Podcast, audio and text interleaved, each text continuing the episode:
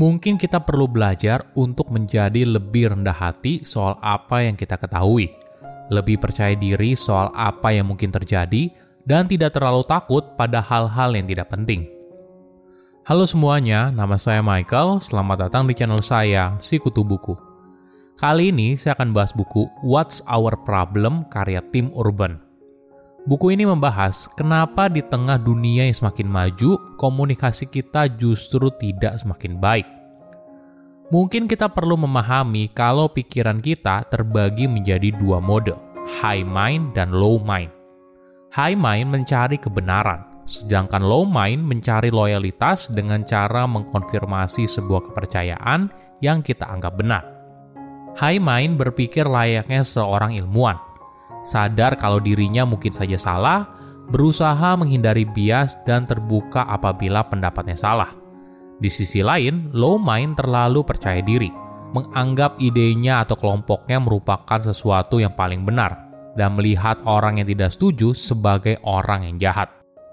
Setiap harinya kita mungkin mengalami dilema ini, di mana high mind dan low mind berusaha mengambil alih namun masalah muncul ketika kita sering kali membiarkan low mind mengambil kendali. Sebelum kita mulai, buat kalian yang mau support channel ini agar terus berkarya, caranya gampang banget. Kalian cukup klik subscribe dan nyalakan loncengnya. Dukungan kalian membantu banget supaya kita bisa rutin posting dan bersama-sama belajar di channel ini. Saya merangkumnya menjadi tiga hal penting dari buku ini. Pertama, empat tangga berpikir manusia. Apakah kamu pernah melihat laron yang terbang mendekati lampu, mengerubunginya, dan ditemukan mati keesokan harinya? Apa alasan dari tindakan bunuh diri itu? Mungkin kamu menganggap kalau laron itu bodoh, tapi itu merupakan insting naluriah mereka. Di satu sisi, kita tidak jauh berbeda dengan seekor laron. Kita semua punya pikiran primitif yang berhubungan dengan naluri alamiah manusia makan, berkembang biak, dan bertahan hidup. Pikiran ini selalu ada dan bekerja dengan baik untuk tetap membuat kita hidup hingga sekarang. Tapi dengan adanya evolusi dari sisi literasi dan teknologi, manusia menciptakan dunia yang tidak familiar bagi pikiran primitif. Ini adalah momen ketika pikiran yang lebih tinggi muncul. Pikiran ini mengontrol keahlian kita dalam berpikir secara objektif – menganalisa dunia di sekeliling, dan belajar dari pengalaman. Otak primitif kita ingin makan sekantong permen, tapi pikiran yang lebih tinggi justru memberitahu kalau itu merupakan ide yang buruk. Kedua pikiran ini selalu berada dalam sebuah konflik, dan siapa pun yang menang akan menentukan bagaimana kamu berpikir, bagaimana kamu membuat sebuah keputusan, dan membentuk kepercayaanmu. Analoginya seperti sebuah tangga dengan empat anak tangga. Ketika kamu berada di anak tangga paling atas, pikiran lebih tinggi mengambil kendali. Di fase ini, kamu secara rasional mengamati bukti yang ada dan mengambil kesimpulan yang objektif dan bertujuan untuk mencari tahu apa yang sebenarnya, tidak peduli apa pun itu. Mungkin kita sebut fase ini sebagai berpikir seperti seorang ilmuwan.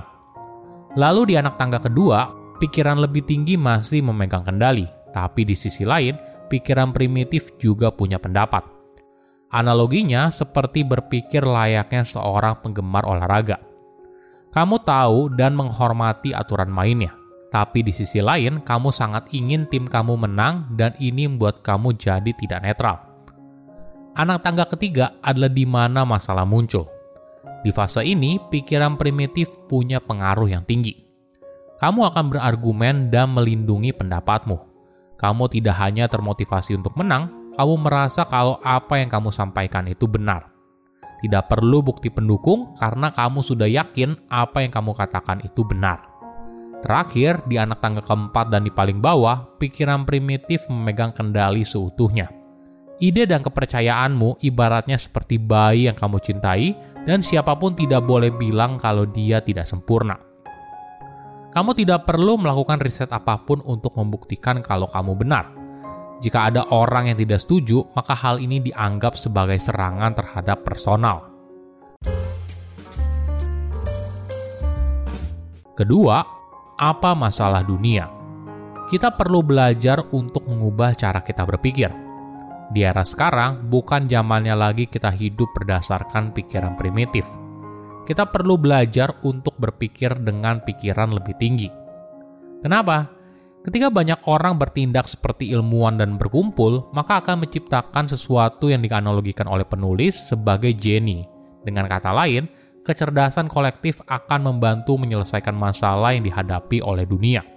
Tapi di sisi lain, jika banyak orang berkumpul dan hanya peduli untuk membuktikan kalau dirinya benar, maka hal ini akan menampilkan sisi terburuk dari manusia.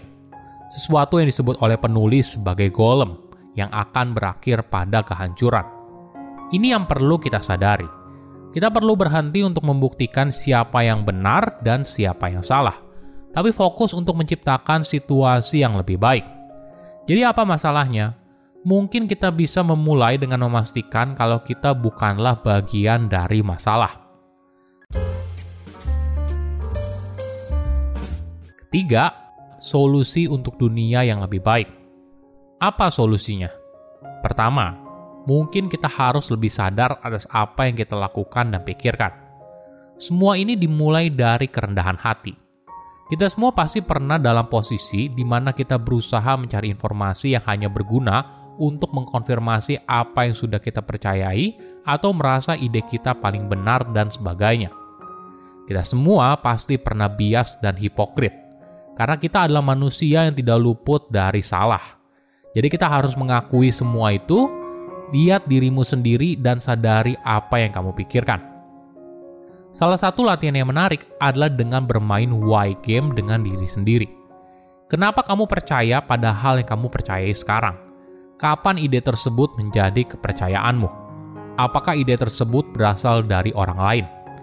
Jika ide itu berasal dari dirimu sendiri, kapan terakhir kali kamu berpikir ulang atas ide tersebut? Latihan ini akan buat kamu sadar kalau ide atau pendapat bukanlah sebuah benda sakral yang harus dipegang teguh tanpa dipertanyakan.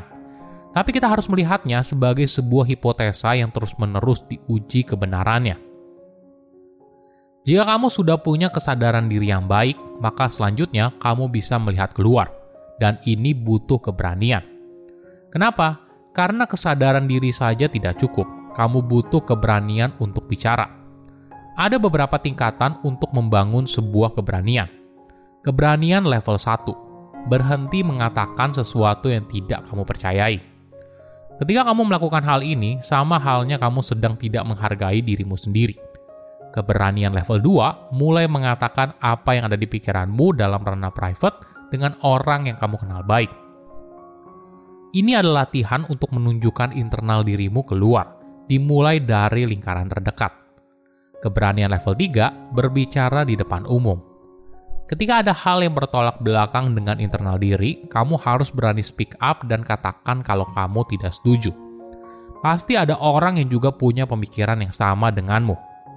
Jika kamu sudah mulai nyaman, maka kamu mungkin bisa berpikir lebih besar lagi.